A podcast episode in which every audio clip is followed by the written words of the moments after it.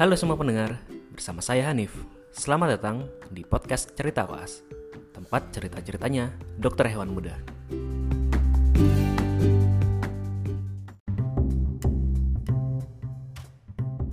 Halo semuanya, terima kasih ya udah berkunjung.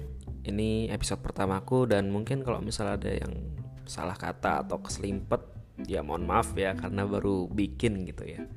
Baru bikin podcast, baru mencoba untuk ya membranding diri lah untuk jadi podcaster Gak juga sih, tapi pengen bagi-bagi cerita aja Oke deh, hari ini aku bakal cerita tentang studi akademik yang ada di Fakultas Kedokteran Hewan Di antara kalian mungkin masih bertanya-tanya nih Apakah mahasiswa kedokteran hewan itu setelah lulus akan langsung menjadi dokter hewan?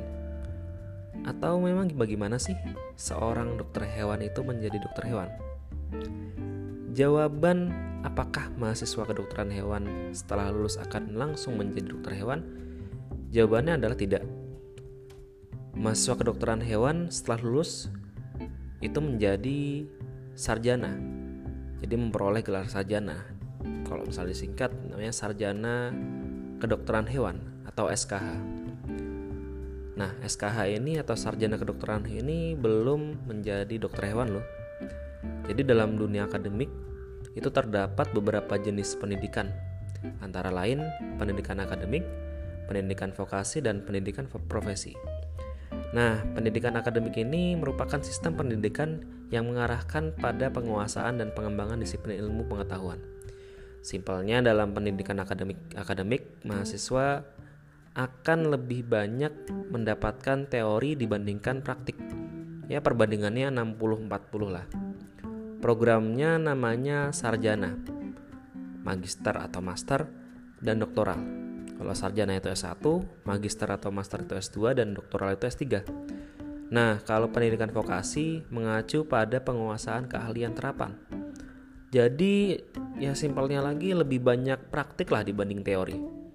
Jadi kalau misalnya tadi 60-40, sekarang teorinya 40, praktiknya 60. Nah, sedangkan untuk pendidikan profesi ini merupakan lanjutan dari pendidikan akademik ketika mahasiswa sudah mendapatkan gelar sarjana atau S1. Di dalam pendidikan profesi, mahasiswa disiapkan untuk memiliki pekerjaan dengan syarat keahlian khusus.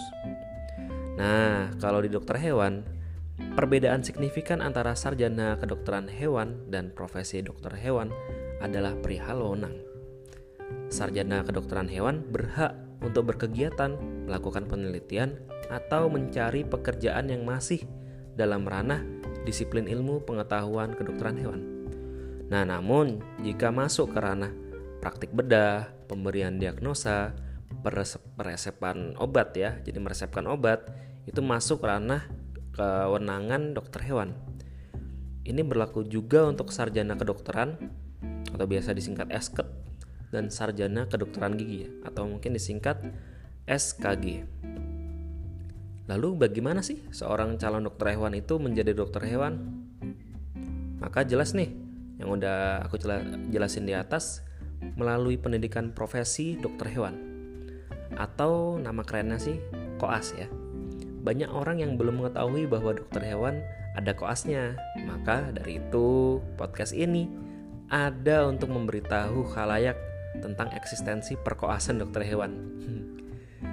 BTW, koas atau koasisten atau koasistensi merupakan sebuah istilah yang disematkan bagi seorang dokter, dokter gigi ataupun dokter hewan muda.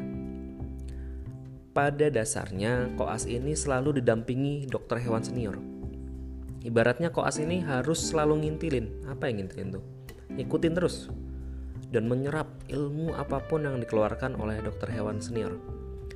Koas belumlah menjadi seorang dokter hewan, sehingga jangan bebankan ya ke mahasiswa koas dengan pertanyaan-pertanyaan yang berujung pada pendiagnosaan. Kadang sering tuh kalau misal ada kucing sakit, tiba-tiba nanya nih sama temennya yang koas dokter hewan, eh ini sakit apa ya, sakit apa ya?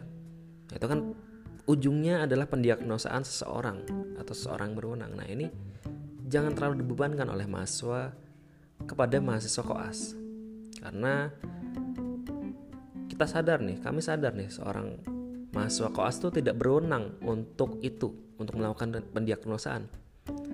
Koas barulah menjadi seorang sarjana yang ilmunya tuh baru kemarin sore aja, baru-baru aja gitu. Baru lulus kuliah yang uh, lepas dari ruang kuliah, terus tiba-tiba dihadapkan dengan uh, sejumlah kenyataan gitu ya. Oh ternyata dokter hewan seperti ini, baru aja kemarin Nah, kalau misalnya tentang probabilitas kami itu salah mendiagnosa itu kalau misalnya saya uh, analogikan atau saya bayangkan itu hampir 90%. Terus 10%, uh, 10% sisanya di mana tuh? Ya itu cuma kebetulan aja bener gitu. Jadi jangan mengandalkan 10%-nya ya. Jadi ya kita akan sangat banyak atau sangat berpeluang banyak melakukan kesalahan dalam pendiagnosaan karena kita belum tahu nih prakteknya seperti apa sih uh, ilmu yang kita dapat di uh, perkuliahan di pendidikan kedokteran hewan di S1. Kalaupun ada yang bertanya dan kekeh ya, ya pakai kudu jawab gitu ya. Untuk meminta jawaban dan pendiagnosaan dari seseorang yang uh, melakukan pendidikan koas atau pendidikan profesi, maka akan kita jawab juga secara kekeh gitu, secara keras kepala untuk menjawab silahkan hubungin atau hubungi dan konsultasikan dengan dokter hewan terdekat. Jadi ya kita akan mengarahkan ke orang yang berwenang lah. Kita bukan bukanlah dokter hewan, kita belum menjadi dokter hewan, maka kita harus tahu posisi kita di mana. Gitu. Oh iya, pendidikan profesi dokter hewan itu diselesaikan selama 3 semester, jadi satu setengah tahun, dengan enam kelompok koasistensi.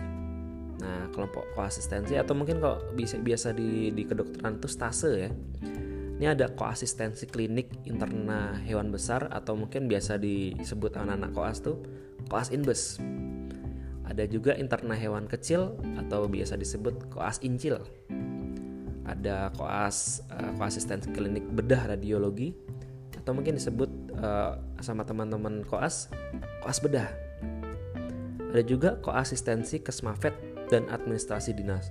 Mungkin singkatnya Kodin gitu ya, koas dinas. Ada juga koasistensi reproduksi, kita singkat korep. Dan terakhir ada namanya koasistensi diagnosa laboratorium atau kita singkat kodil. Setelah menjalani itu semua, maka barulah calon dokter hewan ini melaksanakan ujian sertifikasi kompetensi dokter hewan. Lalu disumpah menjadi dokter hewan sahlah seorang koas itu menjadi dokter hewan. Nah, podcast podcast ini secara garis besar akan menceritakan pengalaman dan ya mungkin ada kisah menarik mungkin ya. Saya juga nggak tahu ya. Yang terjadi saat mengarungi proses proses itu semua. Baik itu ceritaku maupun cerita teman-teman sama koas atau bahkan yang sudah melalui uh, pendidikan koas itu udah menjadi dokter hewan gitu ya. Gitu aja mungkin. Uh, sekian dulu untuk episode pertama. Semoga bisa jadi hal yang bermanfaat ya buat pendengar semua. Kalau misalnya tadi ada yang belibet-libet, mungkin akan aku perbaiki ya cara penyampaian uh, podcastku. Terima kasih. See you soon.